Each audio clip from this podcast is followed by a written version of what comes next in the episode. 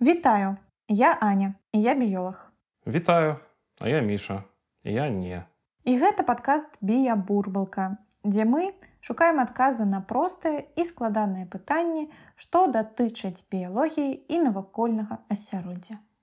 Вось, напрыклад, мінулым разам такое пытанне было ў нас, ці вучацца жывёлы адна ў адной. І мы высветлілі, што так вучацца і, дарэчы, не толькі жывёлы, Але на гэтым мы не зусім гатовыя скончыць з тэмай навучання, таму што сённяшняе пытанне таксама датычыцца гэтай тэмы. Ну так, з першага пытання з'явілася другое, і мы гэтаму вельмі радыя, Таму што асноўная ідэя нашага падкаста была пра тое, што мы адказваем на пытанні аўдыторыі. І вось пытанне, якое з'явілася. Як птушкі вучацца спяваць?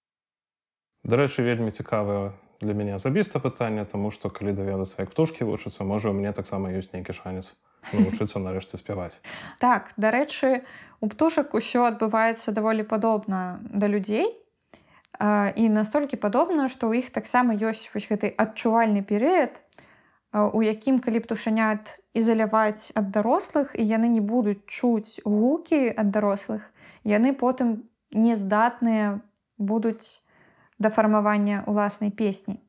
То бок гэта такі перыяд, гэта першыя месяцы жыцця птушкі.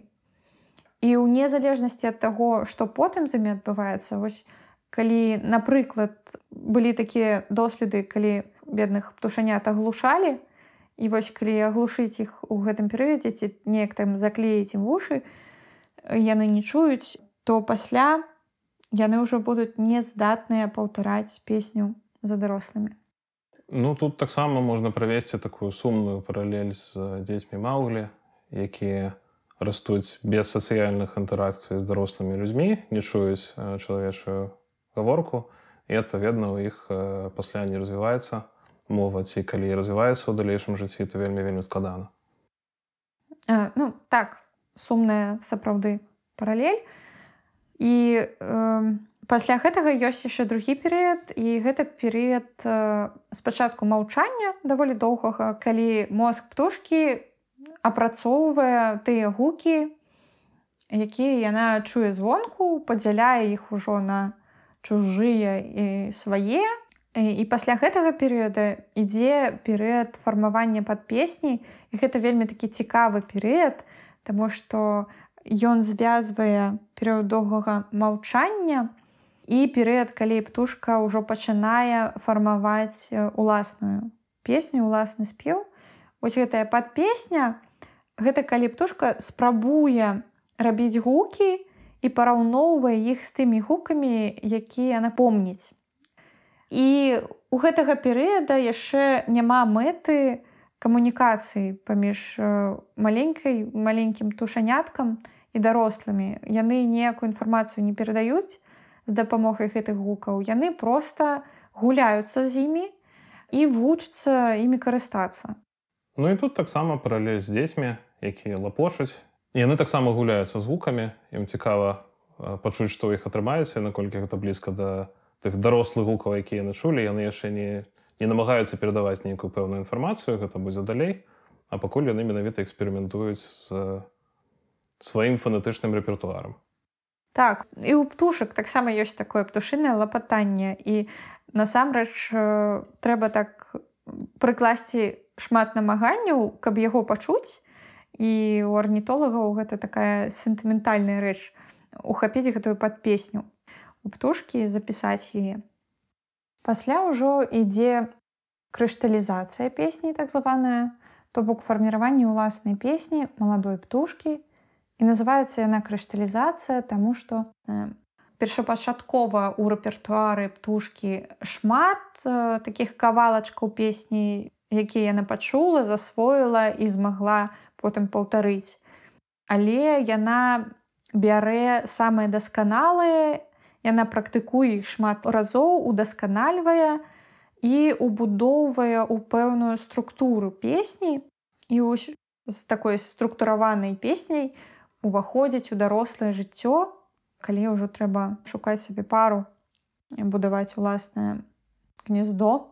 Вось гэтая структура песні яна уроджаная, то бок яна перадаецца ў генах. І калі нейкія патэрны кавалачкі пачутая птушкай э, адрозніваюцца ад гэтай канвы ад гэтай структуры напрыклад яны больш доўгія ці больш кароткія ці у іх іншы тэмп іншая колькасць складоў. У птушак таксама вось фразы падзяляюцца на склады. І вось гэтая колькасць складоў мае значэнне.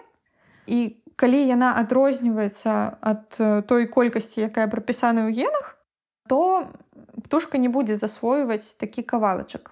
Ну і тут таксама можна калі моцна жадаць правесці паралель чалавечым грамадствам яна не зусім дасканалая атрымліваецца таму што людзі і птушкі ўсё ж такі жывуць крыху іншым сацыяльным жыццём але пра што я падумаў гэта пра тое што людзям якія выраслі з пэўнай мовай якой яны валодаюць з дзяцінства вельмі складана калі мы вывучаем нейкую новую замежную мову размаўляць без акцэнта Таму што мы не толькі не можам вымаўляць гукі якіх не існуе ў нашай роднай мове мы не чуем розніцу даволі часта слухай ну пра акцэнты так але гэта такая слізкая сцяжынка казаць пра акцэнты таму што тут яшчэ паспрабуй правядзі паралелі Таму што па-першае шмат птушак яны здатныя мімікраваць то бок здатныя імітаваць гукі іншых відаў птушак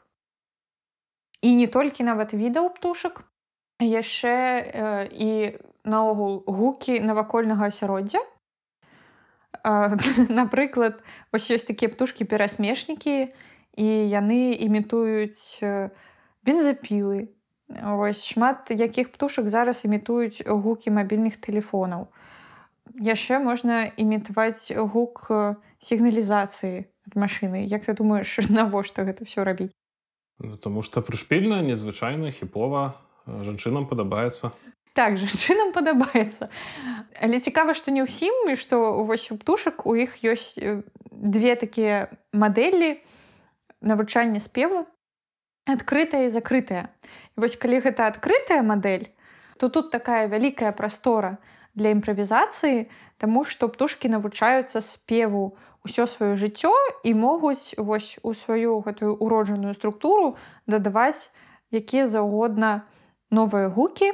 І чым больш разнастайны ў іх спеў тым больш яны падабаюцца жанчынам. Але ну птушкам. Але ёсць яшчэ варыянт закрытай сістэмы вывучэння спеву. Гэта калі вось спеў крысталізаваўся на гэтай апошняй статыі у птушкі дарослы і ён ужо не змяняецца. Вось яны давялі спеў да дасканаласці.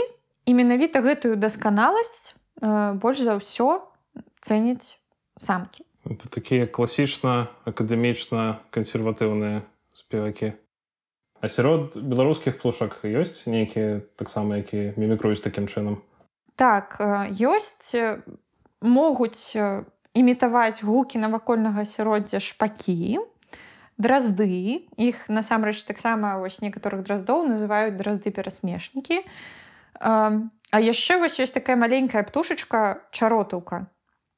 Яна так называется не ў гонар мехася чарота наадварот. Так мехачарот называется ў гонар чарота а чарот гэта такая расліна якая расце на балотах. Вяртаемся да чаротаўкі. Такая маленечкая птушачка жыве ў чароце на балотах ці каля вадаёмаў але што яе класнага яна лётае ў афрыку на зімоўку. І вось у яе гэтая адкрытая сістэма навучання то бок яна дадае гукі якія ёй спадабаліся падаліся цікавымі у сваю сістэму спеву на працягу ўсяго жыцця. І хаця сістэма ў е такая вельмі канкрэтная але гукаў гэтых замежных у е зашмат. І калі ты чуеш чаротаўку вось у чароце ў беларусі то ну гэта ўражвае таму што падаецца што ну некая крыху з глузду з'ехаўшая птушка. Я не ведаю можа у мяне гэта такое яшчэ стаўленне да чаротаўкі сфарміравалася таму што калі ў нас была летняя практыка на біофаку калі я была студэнткай нам анансавалі што мы вось пойдзем слухаць чаротуку на балота раніцай і гэта патрабавала ад дзяўчат шмат наваганняў устаць раніцай. Але ў нас яшчэ была такая нероўнасць. Хлопцаў паднялі яшчэ раней за нас і яны нам вымошчвалі шлях на балота і вось яны вымасцілі нам гэты шлях і мы прыходзім слухаць гэтую чаротаўку і яна спявае нейкую лухту Але гэта з нашага боку лухта так? А вось з боку самак чаротаўкі гэта такое там афрыканскія рытмы віруюць па венах абуджаючы нешта жывое ўнутры. Ёсць такая песня беларускага бардакам цікава можете паслухаць. Наступным разам будзем рабіць музычны падкаст. Так. Карацей можна ўразіць і афрыканскімі спевамі беларускіх чаротавак яшчэ больш паспяхова. І яшчэ ў гэтай штукі ёсць інфармацыйная функцыя Таму што сам ты чаротаўкі і іншыя пералётныя птушкі якія запазычаюць паўднёвыя э, спевы яны дзеляцца самкамі інфармацыі пра тое дзе яны праводзяць свой ты водпуск турыст вярнуўся з адпачынка і размаўляе крыху з арабскім акцэнтам ага, егіпет лятаў ці так ці вось А ці ведаеце вы дзе я правёў лета недзе на поўдзень ад сахары А як ты думаеш чаму гэта важна для самак э, Таму што шмат цікавага досведу жыццёвага не ведаю важвае насамрэч просто ў самак пералётных птушак у іх цікавага досведу у саміх вышэй задах. Ага. Таму што яны таксама пералетаюць Вось. А, яны могуць пазнаць. Так і больш зручна, калі твой кавалер пералятае ў тым жа напрамку, што і ты.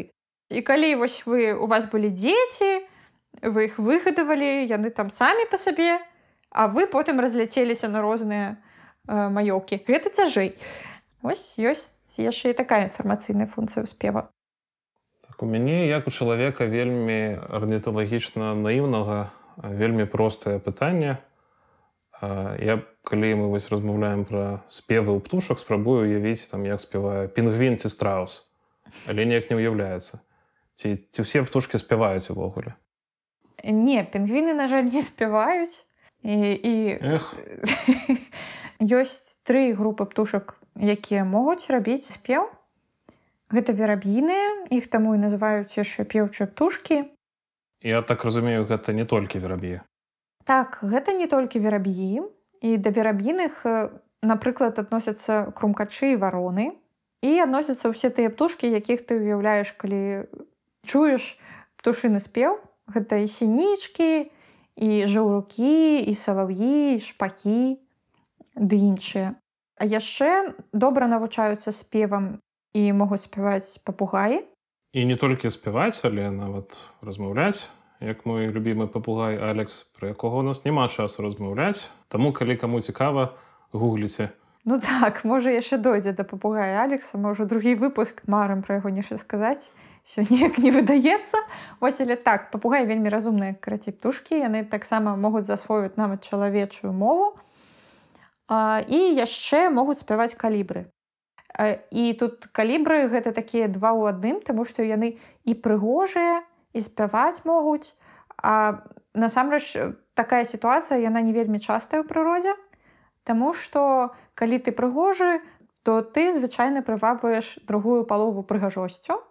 Вось, а спевы выбіраюць птушкі, якія жывуць у лясах ці на вялікай адлегласці адзін аднаго, калі прыгажосцю яшчэ пабачыць трэба, тады спевы выратоўваюць. Тут я не буду праводзіць нейкія паралелі з чалавечым грамадствам, тому што патэнцыяльна праблематычна это можа атрымацца. А што застаецца бедным пінгвінам, якія не спяваюць? Насамрэч спеў гэта не самы просты сродак вакальнай камунікацыі. Спеў мае такую складаную структуру, яму трэба навучацца, а ёсць яшчэ уроджаныя сродкі камунікацыі, яны ёсць ва ўсіх птушак гэта такія вакалізацыі вакальныя сігналы якія называюцца позывы. І вось гэтыя позывы яны фармуюцца яшчэ ў дзяцінстве у птушанятак як толькі яны вылупляюцца. З яйка напрыклад харчовыя позывы. Гэта самыя першыя позывы ў птушак. Вось птушанятка вылупілася і на ўсе раздражняльнікі на тактыльныя на нейкі свет на ўсё яно адказвае харчовымі позавамі Жэрці, дайце жэрці. Так мне хочацца верыць, што гэта э, нешта больш культурнае, але так выглядае гэта менавіта так, што перад табой не было, ты спрабуеш дамагчыся, каб яно табе цябе пакарміла. Потым фарміруюцца больш складаныя позывы і ёсць позывы, якія характэрныя для групавых птошак, ёсць для адзіночных птушак напрыклад у групавых ёсць такі спецыяльны позаў э, по тыпу я цябе зараз буду біць вось у адзіночных птушак такую функцыю выпаўняе э, позаў трывожны просто вось пра нейкую небяспеку. А у групавых птушак вось ёсць такі спецыфічны менавіта што ну вось ты зараз будзе будзеш адграбаць Пра трывогу таксама цікава, таму што позавы яны простыя па структуры. Гэта могуць быць некалькі складаў. І вось яны ўрочныя. Але вось гэтыя склады іх можна паўтараць некалькі разоў. І закон гэтага таксама перадаваць нейкую інфармацыю. Напрыклад, ёсць такія сініцы, чорнагаловыя сініцы. У Беларусі водзяцца падобныя, яны бурагаловыя называюцца. І у іх ёсць такі характэрны наогул для ўсіх сінічак такі позаў аб небяспецы. Ён гучыць так чекадзі чекадзі і вось яны таму і называюцца па-ангельску вось менавіта гэтыя чорнагаловыя сініцы яны называюцца black чекадзі бёрдс ну яны асабліва там не замарошваліся як называць? Тому што вось по-руску яны называются гаечки у нас яны называются сінічки вось а по-ангельску чикадзі бёрдс да і все і вось ёсць шмат розных чикадзі бёрдаў сэнс. Вось гэты позу чикадзі у яго ёсць вось гэта першая частка чика і дзі ідзі можна паўтараць некалькі разоў. І было показана что сінічки паўтараюць гэтае дзі столькі разоў якая мера небяспекі перад імі. То, калі яны бачуць драпежніка, які патэнцыйна не будзе на іх нападаць, яны могуць сказаць чыкадзі, ідзі, ідзі. Але калі яны бачаць драпежніка, які прадстаўляе непасрэдную пагрозу, яны ўжо пачынаюць чыкадзі, ідзі, ідзі, ідзі, ідзі, ідзі, ідзі. Ось і было смешна, таму што думалі, што гэта залежыць ад памеру. Але сінішкі яны больш яны лепш разбіраюцца ў драпежніках, чым мы. Яны ведаюць, што, напрыклад, э, малая сава яна з большай верагоднасцю іх дагоніць у лесе, чым вялікая. Таму калі яны бачаць вялікую саву, яны кажуць чікадзідзі. А калі яны бачаць малую, яны кажуць чікадзідзі, там наогул гэтая дзі не скончваецца. Ёсць яшчэ такі жарт пра тое, што каб знайсці саву ў лесе, можна паслухаць э, сінічак там дзе яны э, сварцца Таму што вось гэта арнітолагі называюць гэты позу сваркай туды можна прыходзіць там будзе нешта цікавае адбывацца мяне ёсць недарэчны анекдот з японскай мовы давай. Ну анекдот гэта громко сказаў э, насамрэч у паліназійскіх мовах шмат у якіх і вось у японскай мове хаця яна не адносіцца да іх ёсць такая штука што калі ты паўтараеш э, пэўны набор складоў то напрыклад ты таким чынам робіш множны лік что вось э, чалавек будзе хто а калі ты двойчы кажаш хто бі то хіто бі то то атрымліваецца людзі то бок тут калі капец то ты кажаш чікадзі калі зусім капец то ты кажаш чікадзі дзе дзе дзе так. Капец капец капец капец так так это падобна да палінезійскіх моваў. Ну, вось бачыш все больш паралелю. Гэта да таго што сігналы не трэба недаацэньваць і насамрэч вось сігналы гэта ж базіс для фарміравання песні. І ёсць вось у птушак яшчэ такія сігналы называюцца камфортныя позывы.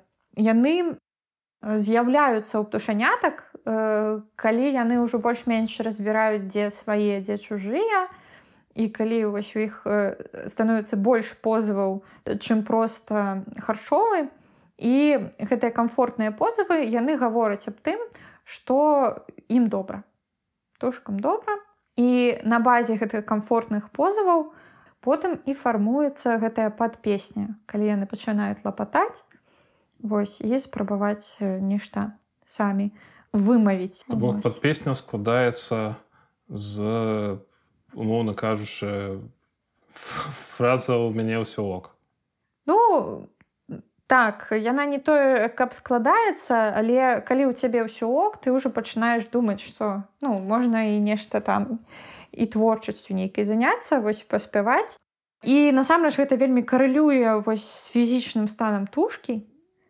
Таму што калі вось у птушанятак не ўсё ок калі ім не хапае ежы то ў іх гэтая падпесня дрэнна фармуецца і потым і песні дрэнныя атрымоўваюцца ў дарослым жыцці і вось самкі яны кіруюцца на этой песні то бок яны ведаюць што самец з дрэннай песні ён можа быць яшчэ і хіленькі крыху таму што у яго было цяжкае дзяцінства Прабач просто з'ела шакалад з гарыхамі а ён гэта дрэнна для звязак дарэчы пра звязкі тут трэба пачынаць з жудаснай гісторыі якая адбылася яшчэ амаль 400 гадоў таму калі натуралісты такія пачатковыя яны заўважылі што калі адрэзаць галаву кашцы ці куры то яна працягне крычаць Вось. Але тут нават жудасць не ў тым што крычаць галава працягне крычаць працягне. Вось сама гэта абезгалоўленая кура ці качка. І вось і ў іх тады закралося такое здагадка што напэўна неяк па-іншаму фармуецца крык у птушак яны тады вельмі ўразіліся а зараз мы таксама ўсе вельмі ўражаныя таму што умліка кормячых ці сусуноў па-беларуску у земнаводных ці амфібій і у рэптылій ось у яшчарак у іх у нас ва ўсіх ёсць гартань гэта такі орган які адказвае за гук. Гэта такая трубка у якой ёсць спецыяльныя цяжы тканак які называюцца галасавыя звязкі і калі э, паветра паўз іх праходзіць яны могуць нацягвацца ці скарачацца і яны вібруюць і атрымоўваюцца вось гук. Атрымоўваецца наша мова. Ну акрамя іх зразумела што ёсць яшчэ моўны апарат ёсць губы зубы язык это таксама ўсё ўплывае але без звязак нічога не было. Але так без звязак гуку няма вось калі звязкі сядзяцца я думаю табе міша гэта э, ты ведаеш про гэта ты вядзеш пары вось калі тры пары запар то там ужо звязкі яны не такія э... не атрымліваецца больш. так не, не такія моцныя каб гэта вытрымліваць. Вось у птушак у іх такіх вось менавіта звязак у гартані няма. Вось у іх ёсць гартань а звязак там няма. Што ёсць у птушак орган які адказаны за фармаванне гуку ён размяшчаецца ніжэй за гартань. Ён наогул размяшчаецца там дзе трахея вось гэты дыхательны такі шлях трубка пераходзіць у лёгкія. Яна падзяляецца на бронхі і пераходзіць у два лёгкіх. Вось левы правы бронхі і карацей. Вось на гэтым падзяленні ёсць спецыяльны орган які ўяўляе сабой две такія дыхатамічныя трубкі і ён называется сірынгс ён названы у гонар грэчаскай німфы якая ператварылася ў жалейку і тут нават не проста жалейку А як называецца такі інструмент, у якім шмат такіх трубачак і ў іх можна дуць і, і атрымоўваецца розны гук. Панфлейта? Так, вось панфлейта, напэўна так. І у птушак гэта працуе таксама так, таму што вот у іх ёсць две трубкі, у якіх ёсць спецыяльныя мембраны, праз якія праходзіць гук. І вось мембраны, як і нашыя галасавыя звязкі яны могуць нацягвацца, аслабляцца. За гэта адказваюць спецыяльныя мускулы. Колькасць гэтых мускулаў розная ў розных птушак. Таму ў некаторых э, разнастайнасць гукаў большая, у некаторых меншая. Але акрамя гэтага вось у гэтых двух трубках гук ён можа фармавацца незалежна адна ад адной. То бок птушка можа адначасова спяваць на два галасы. Прытом адзін з іх будзе больш нізкі, а другі больш высокі. Я падумаў пра у часы старажытныя да смартфонаў, калі былі мабільныя раннія тэлефоны. У іх была такая характарыстыка як паліфанія. Там все больш новыя мадэлі яны ганарыліся тым, што яны могуць адначасова граць не адну ноту, а дзве ноты ці тры ноты ці чатыры ноты. Вось высвятляецца, што ў птушак прынцыпе таксама уроджаная паліфанія. Так. І яшчэ гэты сірынгс, ён вельмі эфектыўны з пункту гледжання прадукцыі гуку, Таму што ён можа закон сірынгсу амаль 100соткаў паветра, якое праходзіць праз яго і наогул ідзе ў лёгкія і у паветраныя мяшкі, якія ёсць у птушак карацей патрэбна для дыхання. 100соткаў гэтага паветру могуць выкарыстоўвацца для спеву у параўнанні мы вось таксама у нас наша гартань яна удзельнічае у дыханні але толькі два адсоткі паветру якія праходзяць праз вось галасавыя звязкі яны удзельнічаюць у фармаванні нашай мовы. А што мы яшчэ не можам? Мы не можам так хутка рэагаваць на гук і не можам так моцна змяняць частоты гуку.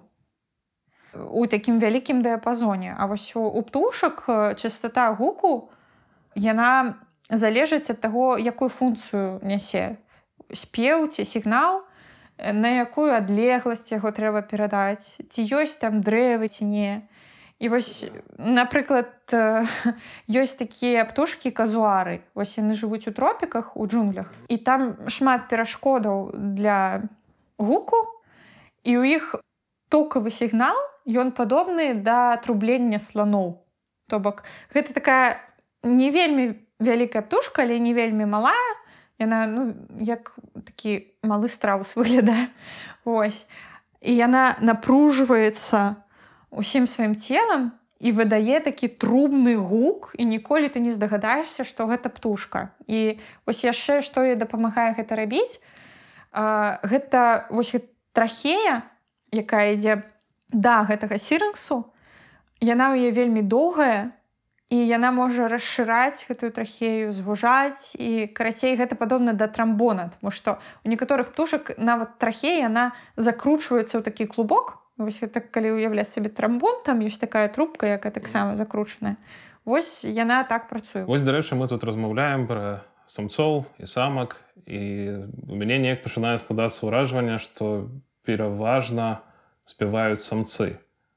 Гэта так ці ці самкі таксама спяваюць. Спяваюць і самкі і бываюць варыянты нават калі яны спяваюць дуэтам з самцамі.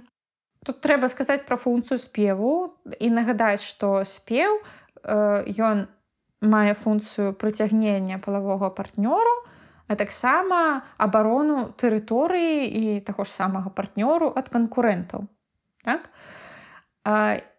І тут хто займаецца гэтым, той і спявае. Э, просто звычайна самкі птушак яны больш удзельнічаюць у гадаванні птушанят. Э, у іх на гэта сыходзяць больш сіл з аднаго боку, а з іншага боку гэта такое падзяленне адказнасці. І калі самка больш задзейнічана ў ось такіх хатніх справах, то функцыю абароны і рэкламы бярэ на сябе самец. Але ёсць іншыя варыянты. Напрыклад, у Аўстраліі шмат птушак, у якіх спяваюць самкі, ці нараўне з самцамі, ці нават спяваюць толькі самкі, а самцы бяруць на сябе функцыю гадавання птушанят. бок калыханку птушанятам яны не спяваюць. Ну пра калыханку гэта асобная рэч, таму што чым яшчэ вельмі адрозніваюцца птушкі ад людзей, акрамя сірынгсу, гэта тое што калі ў людзей вось гэта навучанне мовы яно ў большасці выпадкаў э, ідзе ад бацькоў э, да дзяцей так? Вось гэта культурная перадача про якую мы казалі мінулым разам але вось гэтай культурнай перадачы ёсць тры варыянты. Гэта культурная перадача вертыкальная і, і яна часта вельмі сустракаецца сярод не толькі людзей але жывёл гэта калі... ад бацькоў. Так гэта калі дзецям ад бацькоў. Ёсць яшчэ перадача гарызантальная. Гэта калі у межах аднаго пакалення просто ну напрыклад жывёлы харчуюцца побач назіраюць адна за адной і пачынаюць імітаваць ці паўтараць дзеянні. Іншай жывёлы і вось калі гэта дзеянні якія карысныя то яны потым вось замацоўваюцца і ёсць яшчэ варыянт касой перадачы і вось гэта касая перадача гэта тое што адрознівае навучанне птушак спевам ад навучання людзей гаворцы. То бок я правильно разумею, што птушкі навучаюцца спяваць у нейкіх левых дарослых, не, не бацькоў. Так і гэта асаблівасць тое, што бацькі яны неяк стасуюцца вакальна са сваімі птушанятамі, але вось спеву птушаняты навучаюцца не ад бацькоў, не ад калыханкі, а ад спеву дарослага які ім не сваяк які яшчэ і патэнцыйна канкурэнт.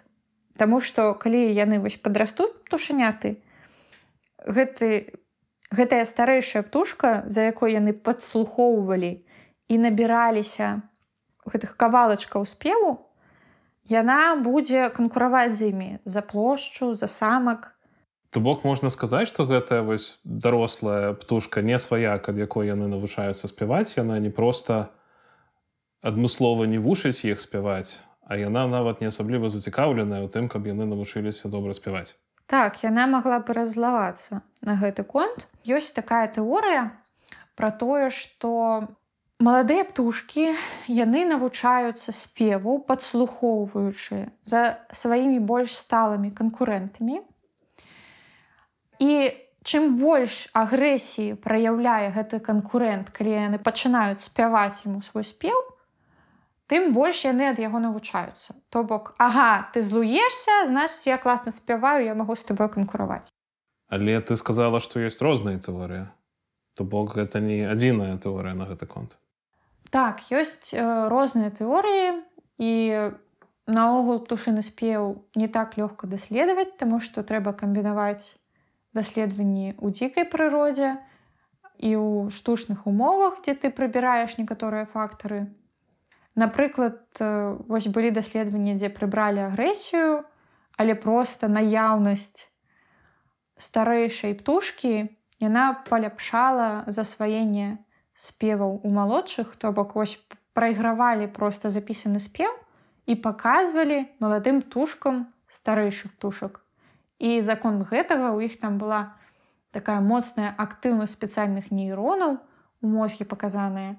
яны лепш записывалі ў сваю памяць вось гэтыя спевы якія пачулі але такога каб птушки дарослыя адмыслова навучалі маладзейшых птушак спяваць такога не назіраецца так разумею тут цяжка адказаць на гэтае пытанне Таму што этолагі кажуць што трэба больш даследаванняў этолагі гэта людзі якія займаюцца паводзінамі жывёл вывучаюць іх Мы ўпэўнены, што вы сумавалі па іх з першага выпуска. так некаторыя паслухаўшы першы выпуск сказалі Божа ну вы намудрылі. І вось кабытолог кабытолог сказаў, што адна птушка навучае іншую, трэба, каб былі выкананыя тры крытэрыі. Гэта першае гэта тое, што настаўнік, вось птушка настаўнік. Яна павінна змяняць свае паводзіны ў прысутнасці э, вучня То бок што вось яна займалася сваімі справамі, тут пабачыла вучня, пачала там спяваць ці дагэтуль спявала больш ціха, а тут пачала спяваць грамчэй ці нават паўтараць нейкія склады. Другое гэта тое, што павінна быць нейкая выгода для настаўніка, каб гэта рабіць, але гэта не тая выгода, якую адразу можна пабачыць. То бок вось незразумела чаму настаўнік не нападае на свайго суседа а наадварот яшчэ і робіць песню больш зразумелай для яго і трэцяе гэта тое што у прысутнасці настаўніка вучань павінны засвойваць гэты навык спеваў лепш чым у яго адсутнасці.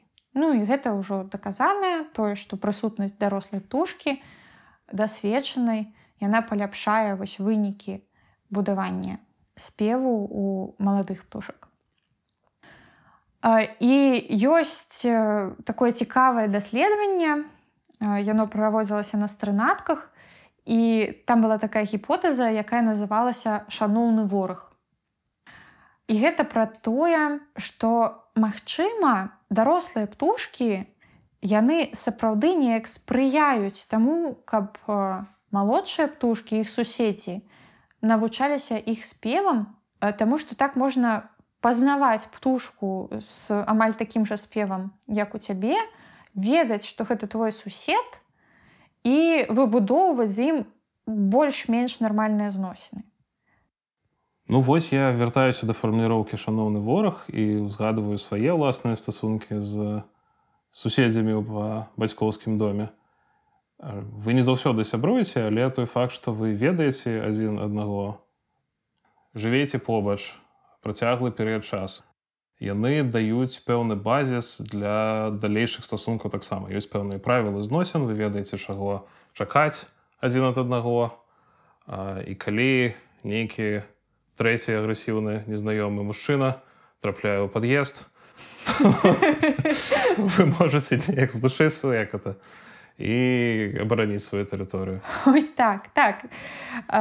Менавіта, то бок на прыкладзе птушак, калі больш дарослы самец дазволіць больш маладому вывучыць нейкія кавалкі са свайго спеву. І гэты спеў будзе падобны да ягонага то гэтага маладога можна пазнаць. І закон таго што яны будуць адзін аднаго ведаць яны выбудуюць такія суседскія зносіны.